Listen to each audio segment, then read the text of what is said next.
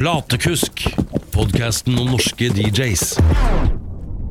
Det er et uttrykk som heter eh, 'kjært barn eh, mange navn'. Eh, Han heter vel Martin Bjerke, kjent som Martin Daniel og som CLMD. Velkommen til Platekusk. Tusen takk. Hyggelig å være her. Ja, så bra at du kunne stille opp.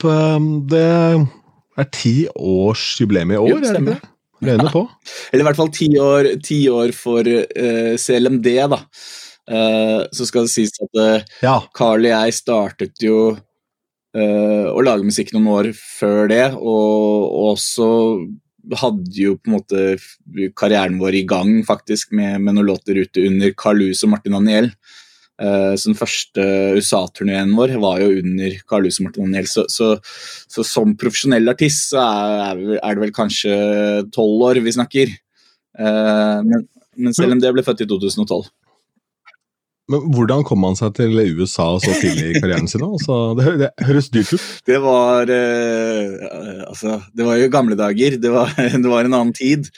Eh, nei da, men eh, jo litt fordi vi hadde vår aller første låt som ble signa, da, eh, er en instrumental som heter The Message, som ble signa på Rising Music av Chris Lake i 2009 og ut ja, den ble gitt ut helt på slutten av 2009. Eh, og den eh, ble jo da remixet av Axwell, eh, uoffisielt, bootleg, som han spilte på, fra hovedscenen på Ultra Music Festival i 2010. Wow. Og da, da var julen i gang. Så, så det Mm. var litt sånn Det var jo en sånn drøm som jeg hadde ekstremt da. altså Swedish House Mafia, spesielt Axwell, var liksom den store helten. da. uh, og, og liksom kanskje en dag kommer han til å spille musikken vår, og så skjedde det med omtrent den første låta vi ga ut. Vi hadde hatt noen, eh, et par sånne småslipp før det som hadde vært på sånne helt fjerne mini-indie-labels som egentlig bare ikke ble noen ting ut av. Uh, men dette var liksom det første med, med litt ordentlig backing. da. Um, Da er det helt sinnssykt, så det, det, det tok jo mildt da, sagt av. Og ble kontaktet av en agent i, i Canada som uh, ville sette opp en eh, Nord-Amerika college tour. da. Så, så det startet da med elleve datoer i USA uh, med, på bakgrunn av den låta. Uh, og vi fikk reise rundt og, og herje på, på college parties, da. Så det var veldig, veldig gøy. Hvordan, eh, ja, hvordan gikk det, da? Altså, College parties, eh, blir det fullt uansett, eller er det sånn som eh, Jeg husker jeg intervjuet rockebandet Oslo S en gang. Da hadde de vært på Finland-turneen, så spurte jeg hva gjør Oslo S relevant i Finland? Hvor da de svarte nei, vi var ikke så jævlig relevante i Finland. Nei, det var, det, det var litt som blandet, men det var stort sett ganske bra, altså.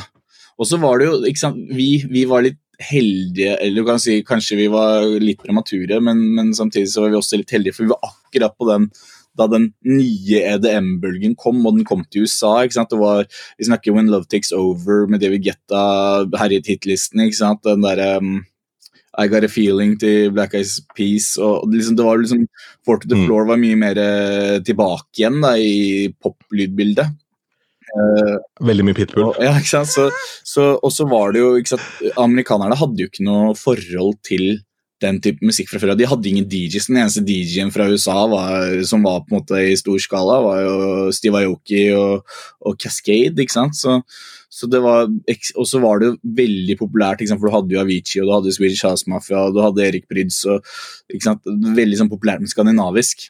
Så vi red en sånn bølge av at vi var norske, drev med EDM og, og liksom fit the bill. da. Så det var veldig sånn Vi smatt inn i et vindu der som var eh, Vi hadde egentlig dritflaks. Jo, jo, men det er ikke helt eh, uvanlig i andre ting også. Stig Larsson og hjalp vel Jo Nesbø litt der en Ja, periode også, hvor ting rulla og gikk så. Men vi kommer tilbake til, eh, til CLMD. Vi må bare ta DJ-biten Mm. først, for jeg kan tenke meg det at mange har tenkt da de har sett ditt navn på plakaten og enda en sånn jævla produsent som skal stå der og lage Airhearts og sånn.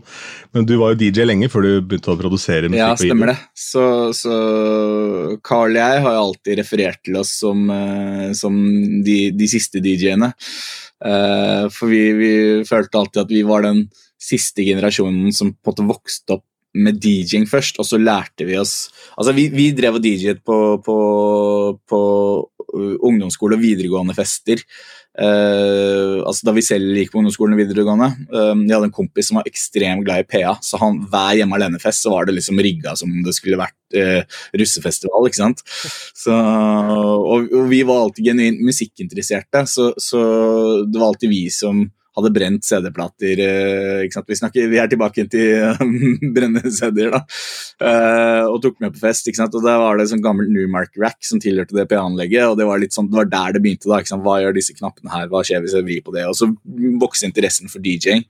Um, og etter hvert så skjønte vi at det at eh, skal vi på en måte nå ut av Norge og faktisk kunne gjøre DJ-ing til et levebrød, så må vi lære oss å produsere. Vi må lære oss å kunne mekke låter. og, og? De, de store DJ-ene da var jo typ Bob Sinclair og, ja, og selvfølgelig svenskene.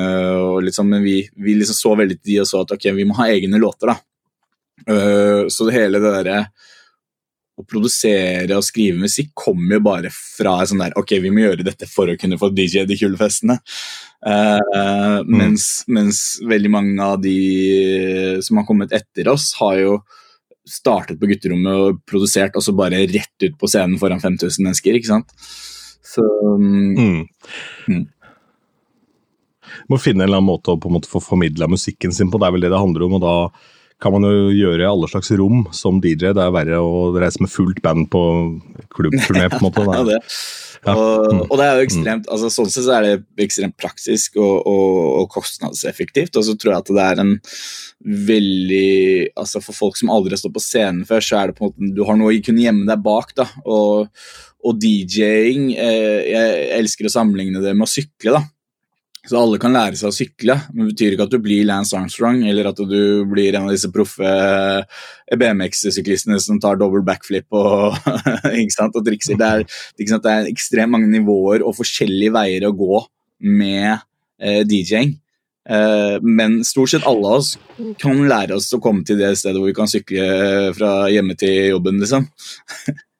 Mm.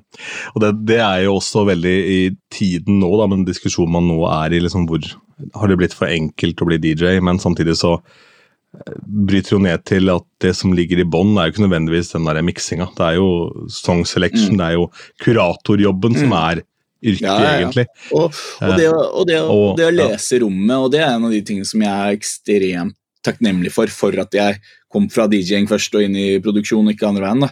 Fordi jeg er veldig, veldig takknemlig for at jeg har spilt såpass mange spillejobber for tomme dansegulv. Og det å få et tomt dansegulv, eller få de, det glisne rommet til å bevege på seg, få de til å klare å danse, det er jo den virkelige jobben. ikke sant? Hvis det står 10 000 hylende fans der, så er det jo bare å trykke på play, egentlig. ikke sant? Så, så, så det å, Men å virkelig kunne hele tiden adapte og endre settet sitt ettersom hvordan du leser publikummet ditt. ikke sant? I dag så er det et mer kommersielt publikum og spiller mer kommersielt. eller og her kan jeg prøve å utfordre mer. ikke sant? Disse, disse vil ha det mørkere, de vil ha det hardere. De vil, ikke sant? Det, er, det er alle mulige måter, og så kan du, kan du, må du hele tiden avvike fra planen din. da. Uh, mens veldig mange av disse produsent først DJ-ene de har liksom en settlist som de har laget. Det er nesten premiksa. Det er, liksom, det er bare rett inntrykk på play, bytte mellom låter. Og, og tør ikke å avvike fra manus. da.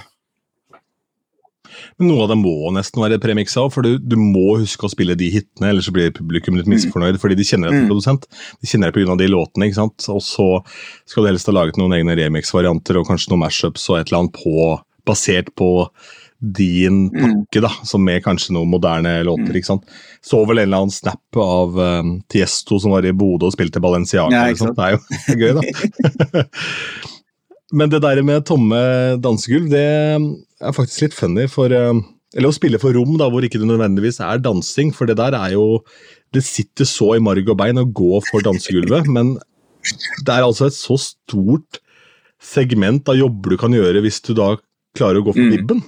Jeg hørte en podkast med DJ Spider, The 20 heter den, hvor eh, jeg husker ikke hva hun heter i farta, men det var en kvinnelig DJ som er basically the go-to for, eh, for HBO og Netflix og sånn når de har Ja. parties. Og når Netflix har fest, da, så har du Jane Fonda på ene siden, og så har du Stranger Things Kids. Mm. liksom. den, den, gjengen der, da må du gå for Mhm. vib, for du kan ikke beinhardt gå for, for dansing umiddelbart Mm. der. Og så og hvordan de bare blir booka om igjen og om igjen, om igjen. Så da fortalte de um, For de gjør begge to den type jobber, de to DJ-ene som prata der. Og da sa de at det var en kar de bare kalte for The Fire Guy, for han hadde med seg sånn flammeshow.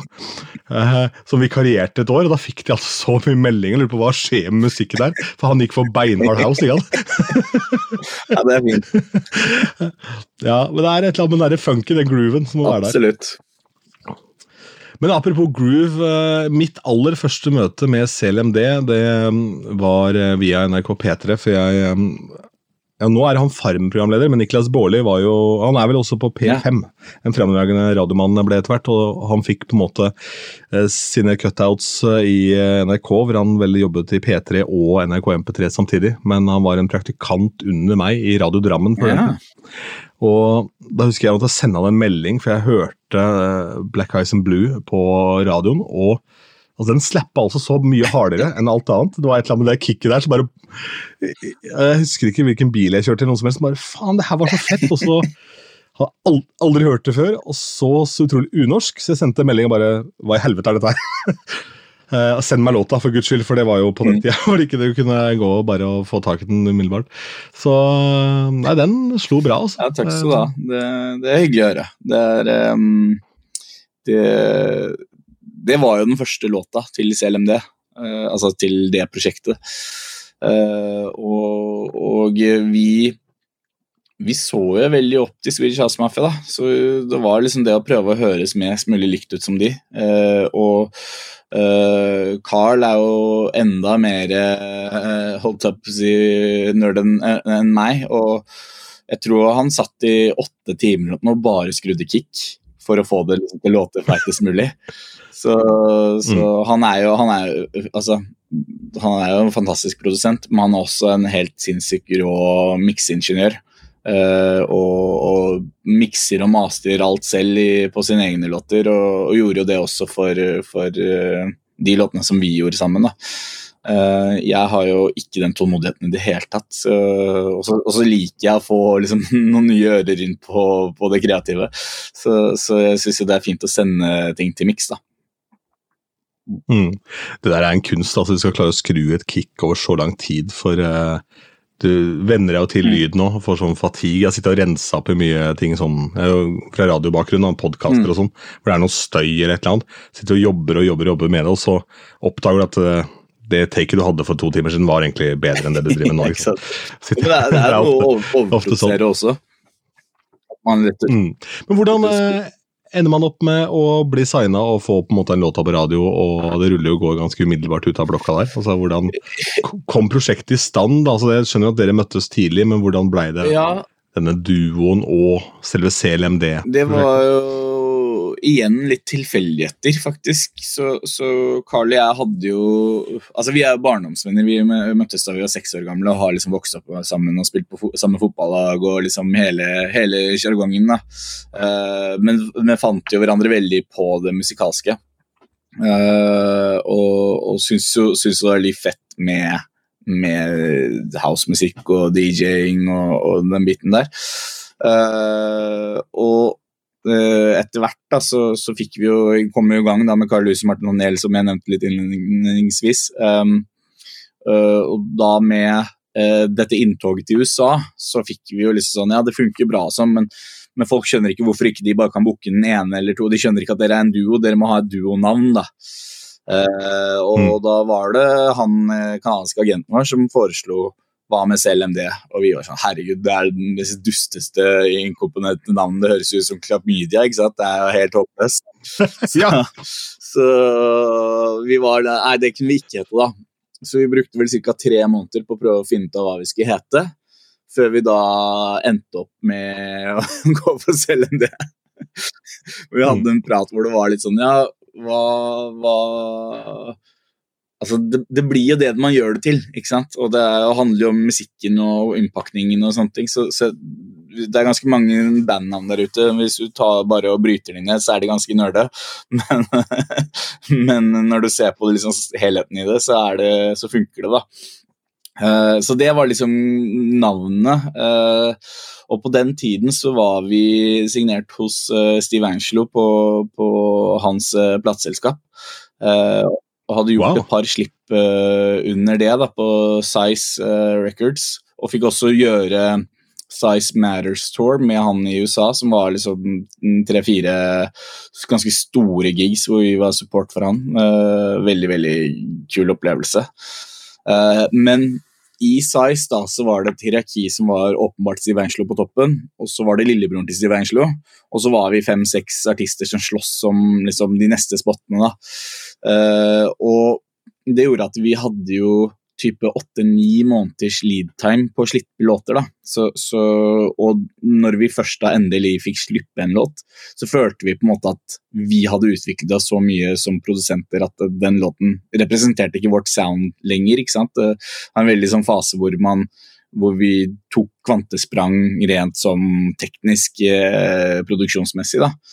Uh, og syntes det var litt irriterende, så, så etter mye om og men så, så, brøt vi med Steve Angelo. Så skulle vi egentlig signe med um, Musical Freedom, som er plateselskapet til Tiesto. Tiesto var på banen og syntes jo uh, det vi drev med. Og dette var da snakk om Black Eyes and Blue, da.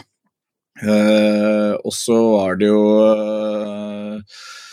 Thomas, da, altså, som jobbet i Sony, som er på den tiden, som, som var altså DJ Jamie, som var ja, Olaug, ja. som var kompis av Tiesto. Og var jo med egentlig på å hjelpe oss litt med hele forhandlingene og sånne ting. Og han spilte opp Black and Blue på Sony-kontoret, og da kom Jørgen Bratli, som er sjef A&R der, og bare Hva faen er det her for noe?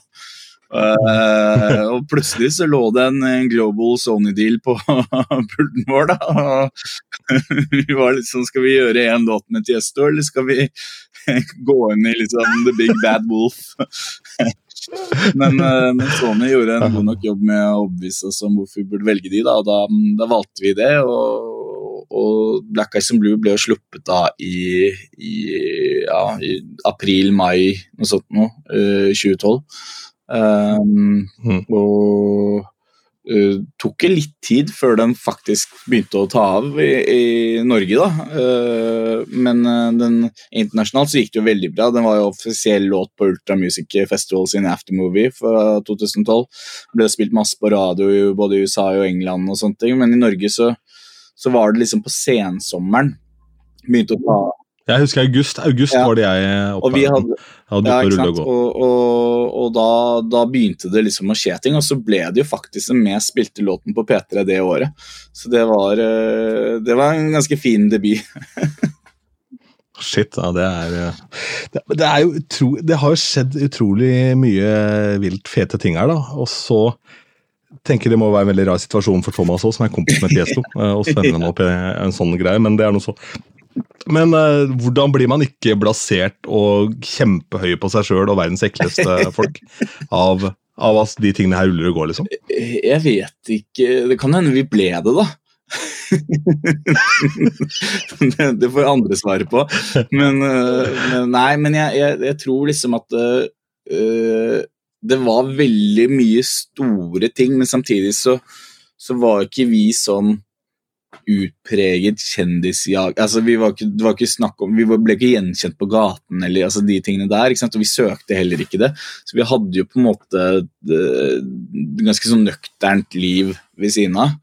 Uh, vi flytta jo til New York fordi at uh, vi fikk litt anbefalinger fra fra vårt uh, bookingselskap her i Norge, eller altså Erik Uppstrøm, som er jo, er jo en, en klin gæren, men en veldig hyggelig fyr, som, som hjalp oss mye i starten. Og han var sånn Hva enn dere gjør, dere må komme dere ut av Norge. Fordi at, eh, Skal dere få det her til, så kan dere ikke sitte her i Norge og, og koke i suppa her. Og vi, eh, så vi flytta til New York. Da da bodde vi liksom i en leilighet med Studiopulten var pappesker, og vi hadde rotter på kjøkkenet. Typ. Så det var liksom oh. Selv om det gikk bra og det var mye kult som skjedde rundt oss, så var vi på en måte Vi levde jo som fattige studenter, da. Jeg skal også si at mm. husleia i New York var jo Som har det nesten 5000 dollar, tror jeg. Så det, de mye av penga gikk ja, det... inn i, i, det. Jeg husker jeg jobba i, i, Radio 1, Og da Det firmaet som eide Radio 1, eide også The Voice, og da var The Voice Ja. De likte jo å sende litt sånn eh, shady reklame med, nos- sett med norske øyne, sånn eh, betting-ting og sånn. Så all reklameskedulering skjedde fra London, og da var det en som het Anders, som var på min alder, som bodde i London da, og jobba med det. Eh, Og Det hørtes jo helt fett ut, men han fortalte at han omtrent kunne sitte på dass og lage mat samtidig. med leiligheten av. Så det er liksom ikke Du, du får, eh, får deg en liten smekk da når du ser eh, boligprisene i sånne Det er nettpoler. Men det er noe, noe med impulsen impuls nå, da. Hvordan eh, det New York-oppholdet, hva gjorde det med med prosjektet og liksom sound og inntrykk og alt mulig? altså... Nei, det var, det var ekstremt givende. For det første så fikk vi jo på en måte fast turnere i USA på alt mulig av klubber og, og sånne ting. Vi ble på en måte en del av det som var tilgjengelig for folk i, i området der. Eh, Det var et ekstremt kreativt miljø hvor man ble kjent med masse andre kunstnere og låtskrivere. og Jeg husker jeg møtte vokalisten i Temper Trap på, på et utested. Liksom, ble sittende og snakke om uh, musikk med han i, til solen sto opp omtrent. ikke sant? Og det, er, det er liksom sånn de mulighetene der da, som ganske sånn, det er veldig inspirerende. Eh, og så var det jo også sånn rent kynisk økonomisk også, så doblet jo prisen vår seg i Norge fordi at vi hver gang vi skulle komme til Norge, så kom vi fra New York. ikke sant? Det var veldig sånn, det var ikke bare det var ikke, bare å ringe bort, liksom. Så det, det var en, en, kanskje et godt marketinggrep, eh, sånn sett, da. Det er jo ofte eh, sånn at ting som fremstår som veldig stort, eh, slår bra her hjemme også. Selv om man har rotte på kjøkkenet. ja, Jo, Men det er noe med det. ja, ja illusjon. Ja, og så var det jo også akkurat på denne tiden Det her var jo 2012, 2013, 2014 Så det var akkurat liksom da sosiale medier, altså Instagram og sånn, begynte å komme for fullt. da, og jeg, husker til og med da vi spilte på mm, første P3-gull eh, Da Kristine Danke skulle introdusere oss da, så var det sånn da snakket hun om våre sosiale medier om hvordan liksom, du så spille for tusenvis av folk hver helg liksom, i, i USA. Og at eh, sant, den, den virkningseffekten av det, da, som er kanskje enda større enn det det er i dag, hvor vi er så mettet og blasert på det. Ja, det er eh, Det har tatt litt av, de greiene der, egentlig. Og nå er det sånn Det går inflasjon i det. det er sånn, alt, alt er taktikk og, og planer bak alt du holder på med. Men uh, hvor lenge holder dere på da som en duo før, uh, før eh, bruddet kommer der? For det, det tar jo helt av med skal vi se, Stockholm Syndrome er vel en låt som virkelig får det til å Mm. rulle og gå. Den er 2013, hvis ikke jeg tar helt feil? eller? Mm, ja, det er det vel, stemmer. Ja, Ja. Så det var, jo, det var jo på en måte eller det vil si Det var egentlig en låt som var oppfølger imellom der, men den uh, som het 'Falling Like Angels', uh, mellom Black Ja, den var litt sånn framme i skoa der, egentlig. Sånn, var litt, uh, ikke helt dere, men prøvde å være litt i tida. Ja, det var i hvert fall det var vårt, vårt forsøk, for det var den tiden da dubstep kom og var liksom full fres med, med Skrillex og, og hele den pakka der. Og, og vi tenkte liksom vi skulle prøve å lage en låt som var vårt take på dubstep. var egentlig tankene. og den, den ble da så klart altfor hard for radio og, og sånne ting, så det, det var liksom så det funket bra på klubben, men, men fikk liksom aldri helt eh, bein å gå på. Uh, og da ble neste ble da Stockholm-syndrom, som, som jeg gikk jo jo, jo, altså morsomme med den var at vi lagde den i New York, og det skulle jo egentlig være en remix for ble spurt av, av manageren vår på den tiden uh, om vi kunne gjøre han en tjeneste, for han ville veldig gjerne signere en ung act da, som het Frøder. Uh, og hun hadde laget denne låten uh, på en camp, da. Og så lurte på om vi kunne lage en remix på den. Og det var Så det var, det var liksom utgangspunktet, og så lagde vi den. og, og på en måte Det eneste vi beholdt, var jo hooket, som er jo eier til Stockholm Syndrome. Uh, og, og det ene verset. Uh, og så lagde vi en åtte minutters lang versjon. Satt og hørte på den, og så husker jeg husker Carl drev og uh, mikset litt på det og uh, satt liksom og jobbet mens jeg satt og spilte PlayStation. Så bare tenkte jeg her, det her er for bra for, for å bare være remix på en eller annen ukjent artist. Så vi liksom hev oss rundt og så kan vi lisensiere ut vokalen. Kan gjøre, hva kan vi gjøre her da for å få det her til å funke? Og så fikk vi liksom på plass en avtale med, med Frøder og de andre som var involvert. Um, og så sendte vi den til mm, Sony, da, og de bare kan ikke, kan ikke gi ut en åtte minutters lang låt, det går jo ikke det. Og sånn, er dere helt gale? Og så var jeg sånn Nei, nei, ok, ja, men gi oss, gi oss 24 timer, skal vi klippe en radioedit. ikke sant? Og så, og så lagde vi radioediten øh, på 320 eller hva den er. Og, og da, var, da, var, alle fornøyde, og da var det sånn ok, ja, men da går vi for denne. Og så er jo på en måte litt resten historie, da. Uh, men, men oppi hodet deres så er det jo Den låta er åtte ja, ja, ja, det, er, eh, det er en musikalsk reise. Absolutt for de som ikke har gjort den jobben, hvordan ender man opp på 320? Det må jo være helt ja, det er, vilt. Altså. Du føler deg litt som sånn derre uh, Holdt opp si kjøttdiskarbeider. Stå og hakke i, i fantastisk kjøtt, kjøtt, liksom. Du må, må jo mm. virkelig kill your darlings, da, og, og kutte ned. Liksom. Det er mange segmenter i den åtte altså åtteminuttersversjonen ligger jo ute på Spotify også, for vi tvang jo gjennom at det skulle gis ut som extended eller Jeg husker ikke om det heter extended eller original mix, men, men så det går an å høre. Og det er jo en del elementer der som har blitt kuttet ut fra den versjonen som alle kjenner.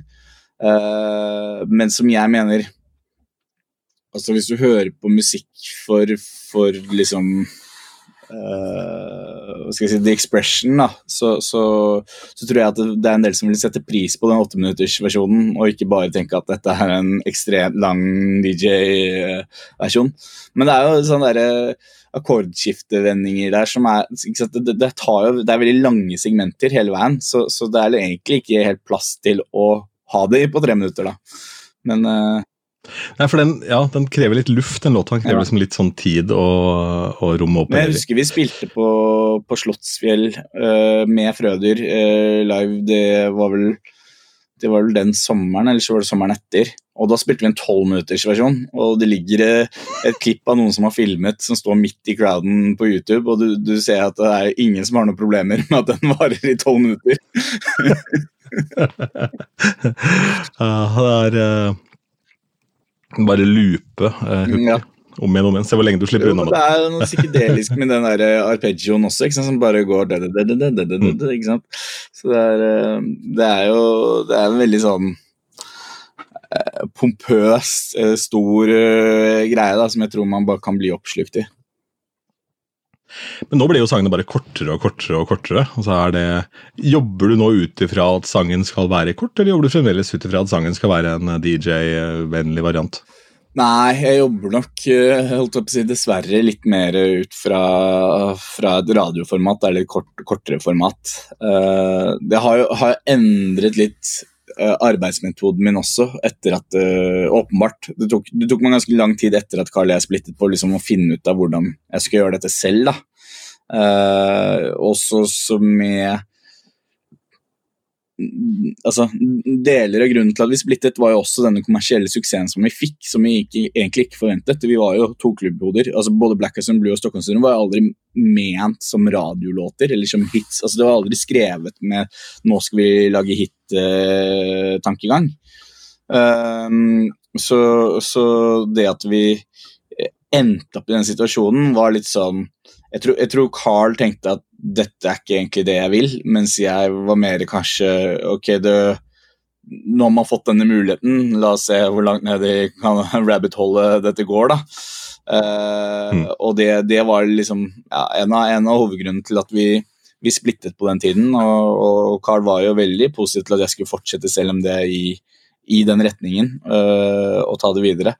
Men, men uh, ja, det var nå så jobber jeg nok mye mer uh, med et pophode enn et klubbhode når jeg skriver låter. da. Uh, som er litt sånn synd noen ganger òg, for jeg, jeg, savner jo det å bare kunne sette meg ned og bare lage noe for å lage noe, istedenfor å tenke, tenke på businessen i, i prosessen. da. Noe må man jo leve av, da, strengt tatt. Så kanskje du skulle hatt et sideprosjekt? Hvor du hadde sånn, ja, ja, sånn à la liksom. absolutt. Så, så, og jeg har, jo, jeg har jo ganske mye musikk som har, jeg har liggende som på en måte venter på å få et sted å, å få utløp. Men det, men det er det òg, da. For at et sideprosjekt er jo er tidskonsumerende, og du skal vie, prioritere og finne tid til å finne label og finne, liksom, gjøre konsepter rundt det og sånne ting. Selv om det kanskje ikke skal ta så mye tid å være en sidegreie, så tar det fortsatt tid. Altså, man, det blir liksom hele tiden til at jeg vil gjøre det, og så prioriterer jeg å gjøre, jobbe hovedprosjektet, selvfølgelig. ikke sant? Og så, og så blir man gående en sånn loop, da. For det er jo lett å brenne ut eh, kreativiteten sin nå, helt klart. Det må være en veldig annerledes oppgave å jobbe som solo-act kontra å ha noen å spille ball med. Hvordan har du løst den floka der? Samarbeider du med andre på låtskriving? Altså hvordan Fordi det blir kanskje litt tungt å stå og, og dunke den ballen i veggen, eh, og så kommer den tilbake, på en Ja, måte. det er eh, Nei, det er beintøft, og, og for meg så syns jeg det var dritvanskelig. Eh, mest av alt fordi at eh, jeg får veldig mye sånn selvtvil, da. I, i det jeg gjør. Og, og det å, altså Da vi var to, så kunne man alltid komme med instant feedback. Ikke sant? Ah, 'Det var fett'. Eh, hva var det? Ikke sant? Et eller annet sånt som bare uh, trigger. da. Så, så for meg så har løsningen vært det å, å jobbe med andre. Finne folk som, som jeg på en måte liker å lage musikk med. Uh, det har jo blitt mye med Skinny Days. Vi deler jo studio nå også, og det er også en sånn grep som jeg føler Det å komme inn i et studiokollektiv hvor vi kan liksom gå fra rom til rom og så bare å, få høre hva jobber du med, liksom. Så kan jeg, jeg har sittet og vært stuck på noe, da, så får jeg liksom bare Ja, men hvis du gjør det, eller hvis du det der, hvis du fokus på det, så plutselig så bare kommer man seg videre til neste steg da, med en gang, istedenfor at man sitter og gir opp til slutt fordi man eh, betviler seg selv så mye. Dette er jo en svensk modell. Det er jo det, det er basert Ja. på det Max Martin og før det Dennis Popp holdt på med. med nå er det vel Wolf Cousins det heter nå, dette er kollektivet til Max Martin, hvor det bare popper opp som paddehatt, de der sinnssyke produsentene som, som har sitt take på det. og sånn Beste eksempelet på det der i sving er vel den uh, låta til Taylor Swift, 'We Are Never Ever Getting Back Together'. Hvor det er uh, altså alt du kan drømme om av forskjellige sjangre og gud veit hva, er i den låta, og så får det til å funke med Taylor Swift på et eller annet merkelig vis. der da. Ja, det Så, det er, det er gøy, da. Og, og, og det er jo nettopp det, og de har jo en helt annen type bakgrunn enn det jeg har også. Så, så det er litt sånn Vi møtes en del ganger på, på en del Ja, litt sånn som du sier, da? Hvor, hvor du har Dag som uh, har dette Slopes-prosjektet og er jo veldig singer-songwriter og eklektisk sound, og så har du Halvor som er egentlig ekstremt allmuligmann uh, når det kommer til pop, ikke sant? og så kommer klubbhodet mitt, og så møtes det til en eller annen sånn god synergi, da. Bør kanskje etablere litt, da, for de som ikke kjenner til Skinny Days. Altså, de, de har hørt Ja. de.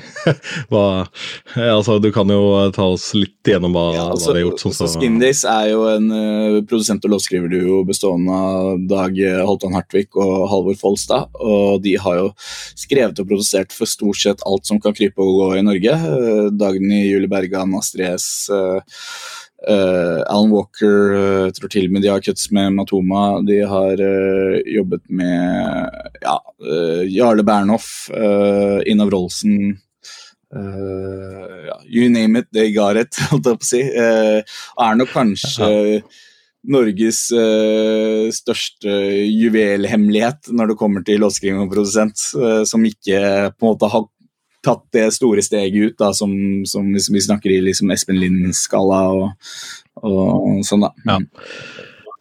ja, ikke sant. Jeg hørte et intervju, det var vel um, hos uh, Skal vi se, uh, ja, P3, hun som introduserte deg på P3 Gull. Um, Danke.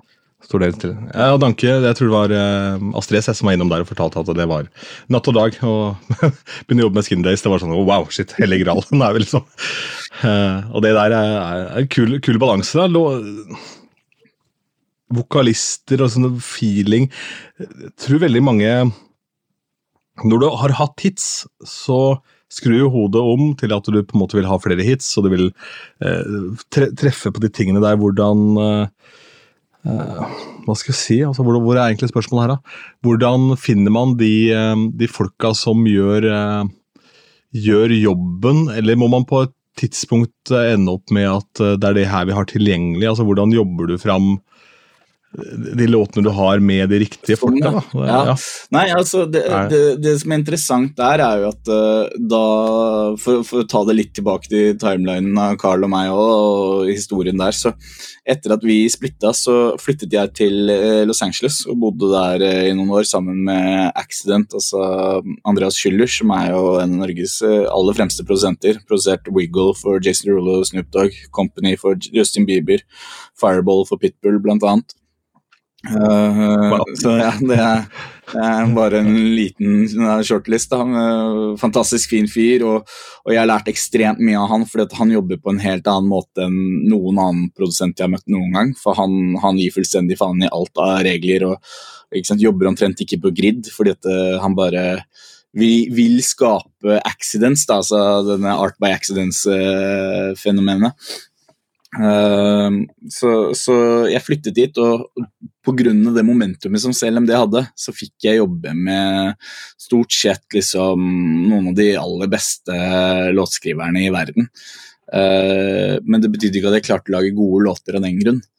Uh, og det var det jeg innså, at liksom den derre samlebåndsproduktions-hitmaker-greia som er i LA, uh, det, den formen passet ikke meg, da. Eh, og selv om jeg fikk jobbe med folk som hadde skrevet låter for Katy Perry og for Lady Gaga, og ting, så, så betydde ikke det at vi klarte å, å finne hverandre på det.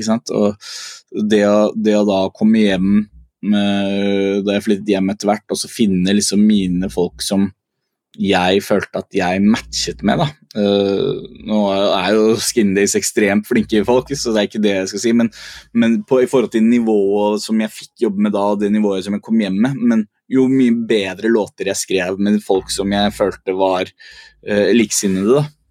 Så, så det, det er noe med det å Mm. finne liksom? Det, er ikke, det er ikke hjernekirurgi vi driver med når vi lager musikk, det er ikke så jævla seriøst. Så det handler jo om det liksom å ha det gøy og, og rett og slett leke og, og tørre å utfordre og være litt banale og, og finne liksom eh, et eller annet hjerte i det, da. Som, som gjør at man, man eh, får lyst til å lage gøy musikk, da. Mm.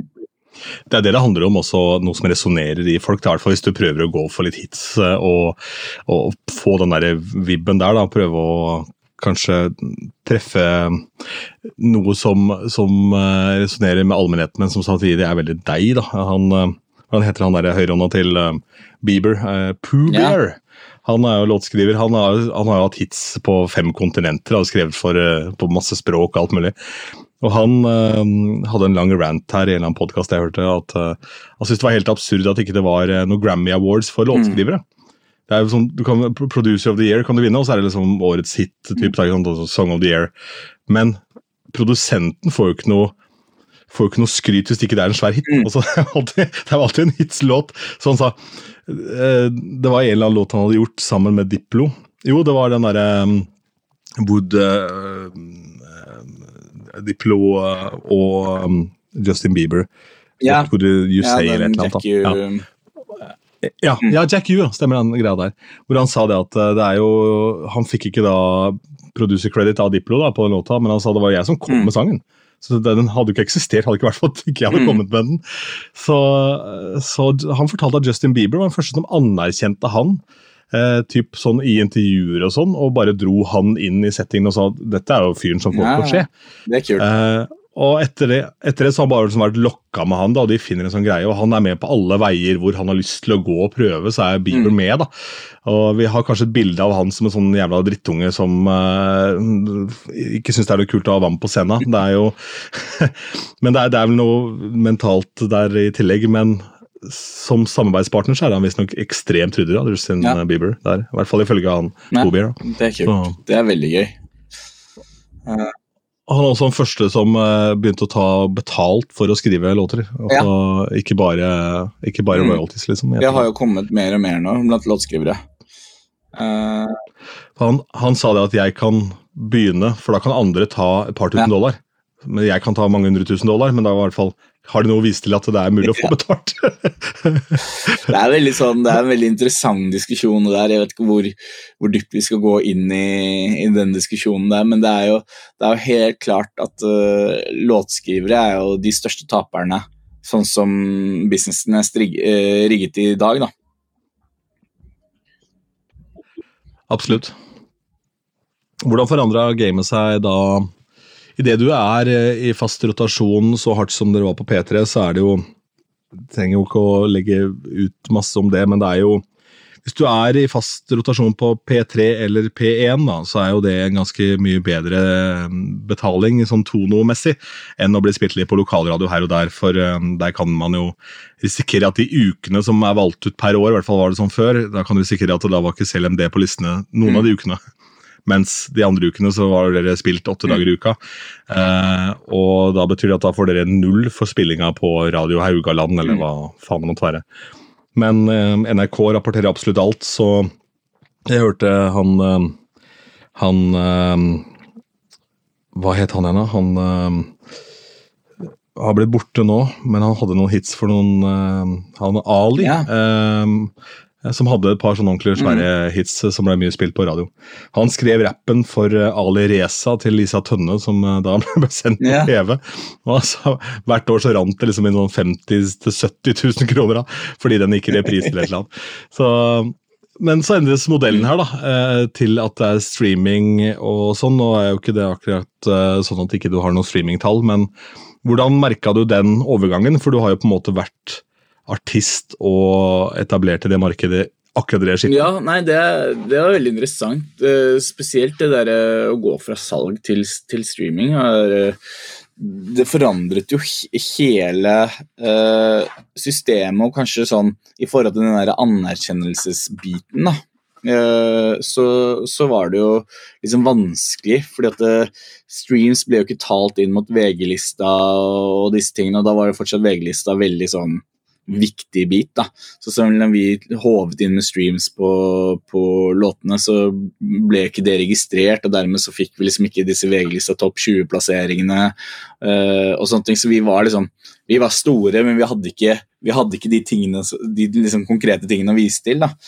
Uh, og det var jo også sånn i forhold til uh, Spellemann og de tingene der, hvor, det, hvor, jeg vet at det var liksom veldig mange som stusset over at hvorfor fikk ikke vi noen nominasjoner på noen ting da. Og det, grunnen var at du måtte levere verk som var over 40 minutter langt for å helt tatt bli vurdert. Uh, og da ja, for da var det ja, album, ja. Så, så, vi var jo singelbasert. Vi hadde jo aldri noen intensjon om å gjøre album. Uh, I hvert fall ikke på den tiden.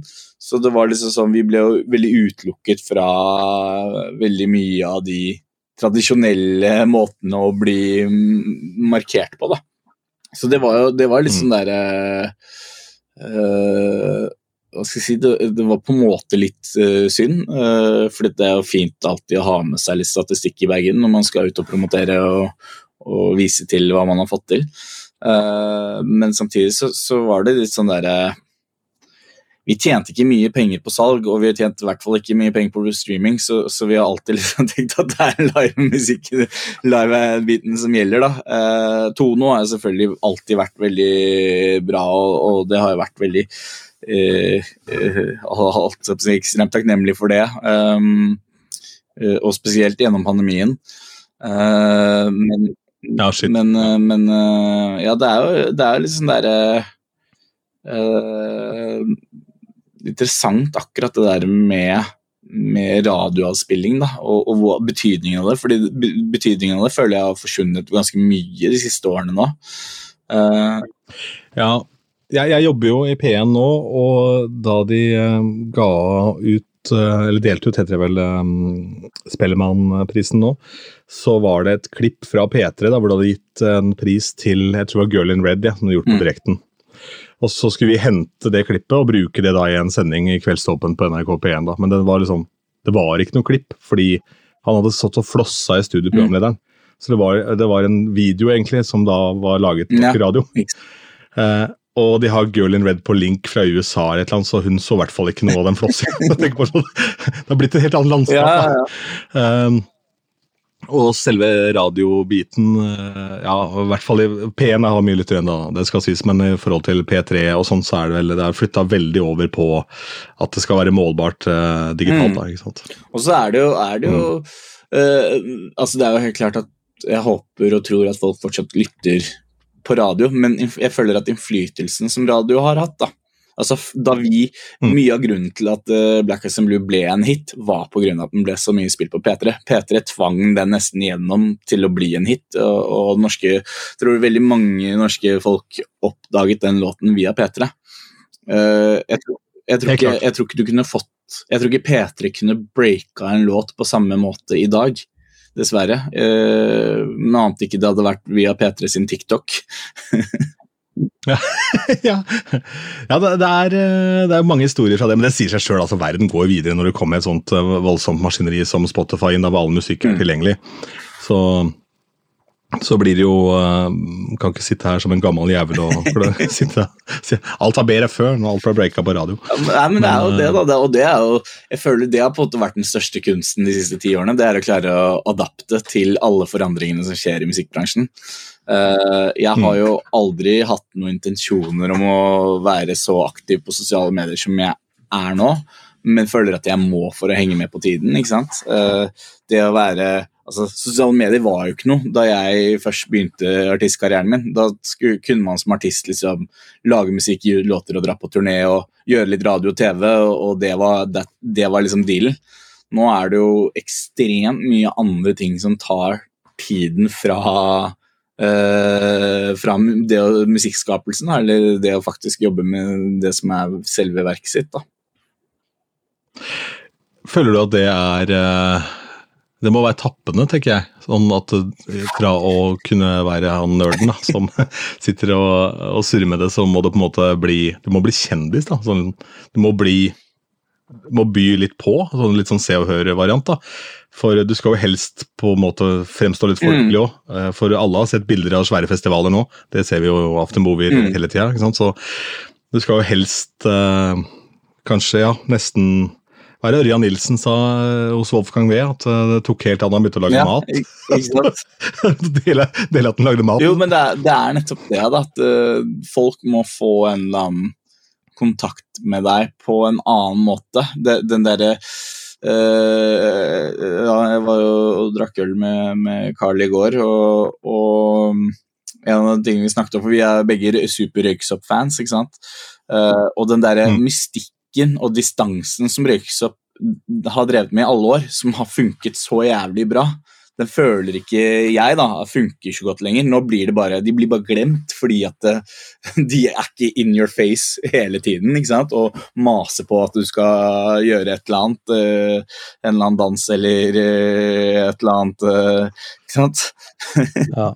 Det hadde vært vondt ass, hvis de gutta holdt på med det. Ja, det hadde, men det ikke sant? det er nettopp det. det, det, det, Ryksopp er egentlig et veldig godt eksempel, fordi at jeg føler på en måte at de, de lager jo så fantastisk god musikk, men de passer ikke formatet av popmusikk i dag. Ikke sant? Eller det som Mm. forventes av en populærartist. da. Nei, de finner jo sitt uh, segment, da. Eh, og det har de utvilsomt gjort. Da. Ja, og så er, jo eh, de, er jo de såpass etablerte at de klarer seg uansett. Men hva med han eller hun som sitter på, på barnerommet eller på, liksom, i kjelleren til foreldrene sine og, og har lyst til å gjøre det der? Ikke sant? Hvordan, skal de, hvordan skal de trå fram da, i dagens terreng for å, for å nå ut? Det er egentlig et veldig godt uh, spørsmål. Altså, Hva tenker du om det, da? Hvordan er veien Altså, Tror du at det hadde blitt CLMD om du og Martin hadde starta i det landskapet som, som musikkbransjen er i nå? I- veldig vanskelig å svare på. Jeg, jeg er faktisk ikke sikker. Jeg tror mye av grunnen til at vi klarte å, å slå gjennom og, og, komme oss ut igjennom, var det at vi gikk til utlandet først. Vi hadde den muligheten til å uh, tre, altså, Vi traff rett inn i kulturen i England ikke sant? med dette eh, signering på Rising Music. Uh, kom liksom rett inn i house-kjernen og, og fikk bygd derfra. ikke sant? Uh, jeg tror, tror terrenget er så villedende nå at det er liksom vanskelig å, å nå ut av det. da. Eh, jeg så en dokumentar for noen eh, år siden som heter Press Pause Play. Men den heter jeg, eh, jeg tror det er, det er i hvert fall ja, Press Pause Play. Med og med bl.a. Moby og Robin og en del andre kjente både musikere og kunstnere og filmskapere som er intervjuet om, om hvordan verden er i bevegelse i forhold til kunst og kultur. Da. Og hvor de snakker om Og dette er jo dette er, denne er fra 2015, så vi har jo bare ekspandert siden den gang. Men de snakker veldig om det der at det, det har blitt så veldig mye noise. Det har blitt ekstremt lett å lage kunsten, om det er musikk eller om det er en film eller hva enn det er. ikke sant? Og det har blitt så mye av det der ute men det betyr ikke at det har blitt noe bedre. ikke sant? Før så kunne du lage, Hvis, hvis låta var god nok, så ville den nå ut uansett. fordi at det, Sånn var på en måte verden. at du, du, Bare musikken var sterk nok, så ville du klare å bryte igjennom. I dag så tror jeg det er massevis av låter som bare drukner i dette haugen av låter som kastes ut hver dag. Sant? Det er noe sånn som 70 000-80 000 daglig nye låter på Spotify. Hvordan skal du som ung artist klare å, å bryte muren da? ikke sant? Ja, det er, det da, da må du jo på TikTok, da. Nå, ja, eller, du, du, må i hvert fall, du må i hvert fall finne veien rundt, da, og, og, TikTok har jo vært det. Men igjen, da, nå er jo, oversvømmes jo TikTok av unge stjerner som prøver å få det til også, så, så det, det vil jo jeg innbiller meg i hvert fall at det vinduet tetter seg jo ganske fort nå. Uh.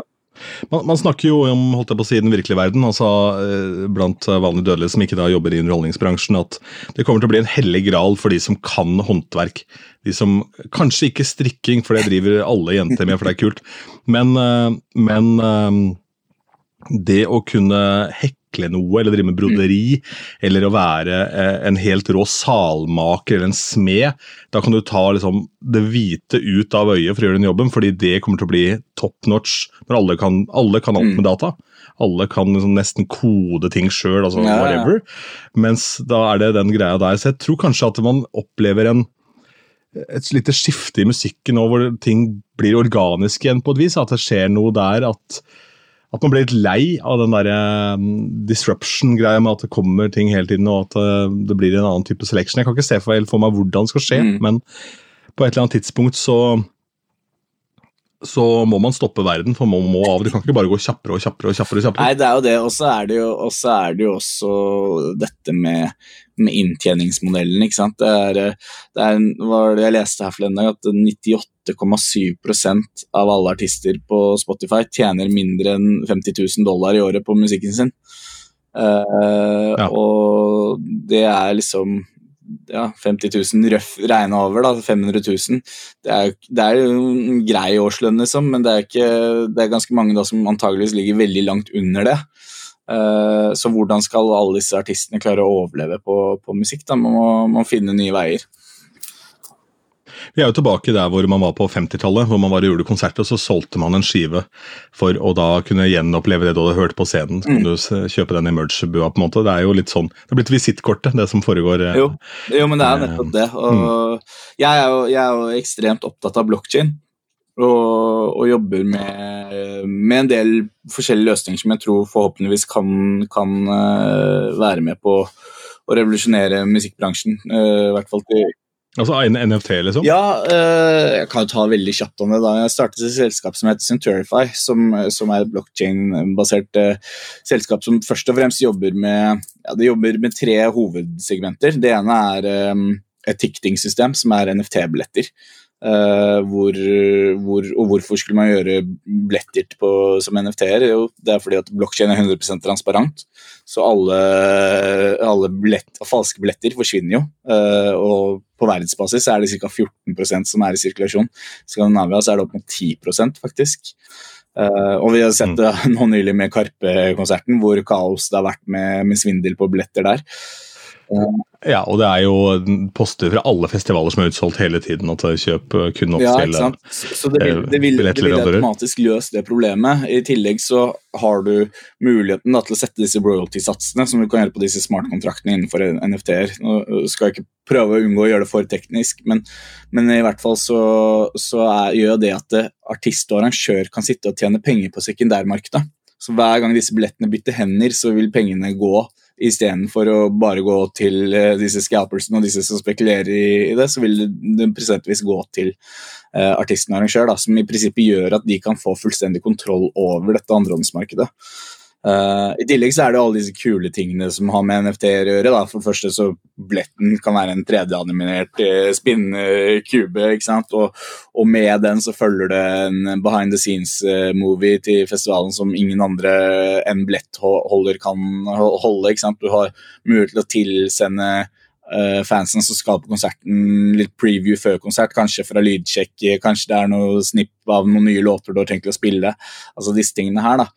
Uh, som jeg syns er en veldig, veldig kul måte å tenke billetter og live på. Da. Også dette å bygge fanskare på en mye tettere måte.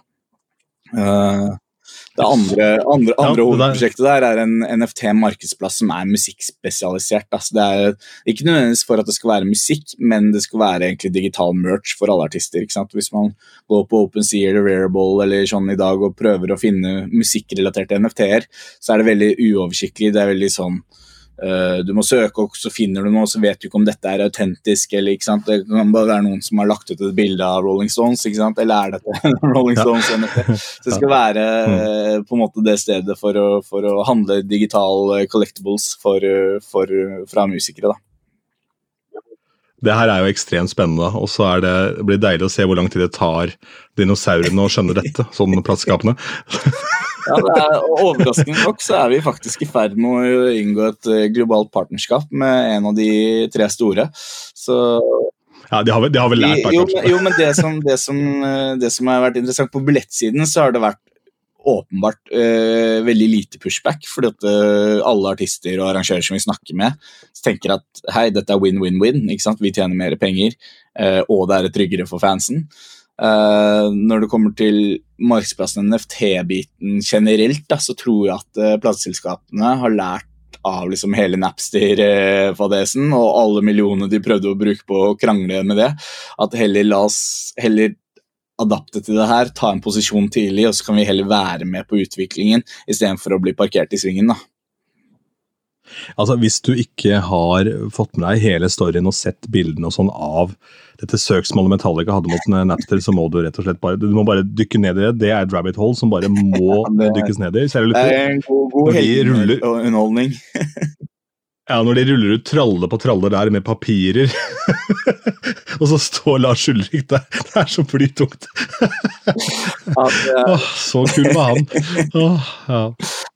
Men uh, Eh, men jeg tror eh, Disco Fries, denne duoen, tror jeg har noe sånt opplegg. De tror jeg er litt sånn framme i skoa på den biten der. Eh, og dette markedsplassopplegget. Men det blir spennende å se hvilken, hvilken vei det tar. Og på billettsiden så, så er det jo helt åpenbart. Det der må jo bare skje fordi da slipper vi å stresse ja, det, er jo, det, er jo, altså det løser veldig åpenbare problemer. Tror, du trenger ikke å forstå blokkjede for å forstå de, hvilke problemer som løses her. Uh, og Fordelen med, med, vår app da, er at du også kan bare bruke visekortet ditt. så vi, Du trenger, ikke, trenger in, ingenting forståelse, egentlig. Det, er, det, blir lettere system enn det som er i dag, uh, og du får mer ut av det mm. uh, ved å gå på konsert. da. Så Hvor kom denne interessen fra, egentlig? Den, Pandemi? Pandemi, egentlig, ja. Eller det vil si, broren min er uh, en av Norges, eller en av Europas faktisk, fremste blockchain-eksperter. Har vært partner i kryptoavdelingen i Ernst Young nede i Sveits i noen år og, og drevet forskjellig. Han er, han er, kjent som Mr. Bitcoin Norway. Så det går an å, går an å finne han på Mr. Bitcoin Norway uh, på nettet. Uh, og var vel inne i bitcoin i, i 2012-2013 og alltid liksom pusha meg veldig på det her. Og jeg har vært litt sånn ja, kryptogreiene, det, det får du holde på med, liksom. Jeg skal lage musikk, jeg. Men, uh, men med liksom NFT Den første NFT-bølgen i 2017 så begynte jeg å bli sånn, sånn nysgjerrig, fordi nå, okay, nå, nå, appellerer du til noe jeg driver med. Og så har jeg liksom lest litt og fulgt med litt, og, og da med pandemien så, så på en måte kom jo eh, en større interesse for eh, krypto og blokkjede, som det gjorde for veldig mange, tror jeg. Samtidig som at jeg så bare veldig klare løsninger for musikkbransjen. Og så tenkte jeg at uh, nå har jeg tid, nå kan jeg gjøre noe med det. så det startet uh, Centurify for uh, ja, litt, over, ja, litt over et år siden, og er nesten nå ferdig med produktutviklingen. Så det er et veldig, veldig, gøy prosjekt. Nå tar det jo plutselig litt mye tid igjen da, i forhold til musikken, men, men det, jeg klarer vel å finne en eller annen balanse på det etter hvert.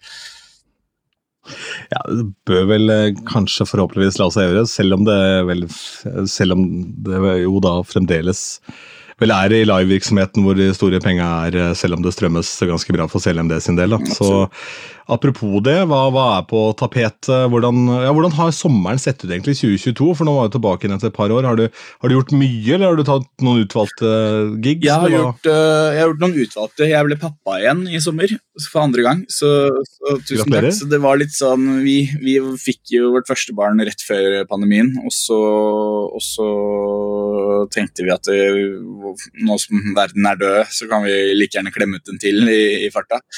Så, så åpnet jo selvfølgelig alt opp igjen. Så det, det, var litt sånn Traff veldig godt på timingen på første, og litt verre nå. Uh, men, uh, men uh, nei, så, så jeg, vi valgte å legge et løp som var litt sånn Gjøre litt for å, for å komme i gang igjen, men uten at det skulle bli for mye. Og så har det faktisk vært litt sånn Det har vært litt sånn interessant å se. For det er jo åpenbart at bransjen ikke er helt friskmeldt igjen. Jeg har hatt, uh, selv hatt tre festivaler som har blitt kansellert pga. svake billettsalg.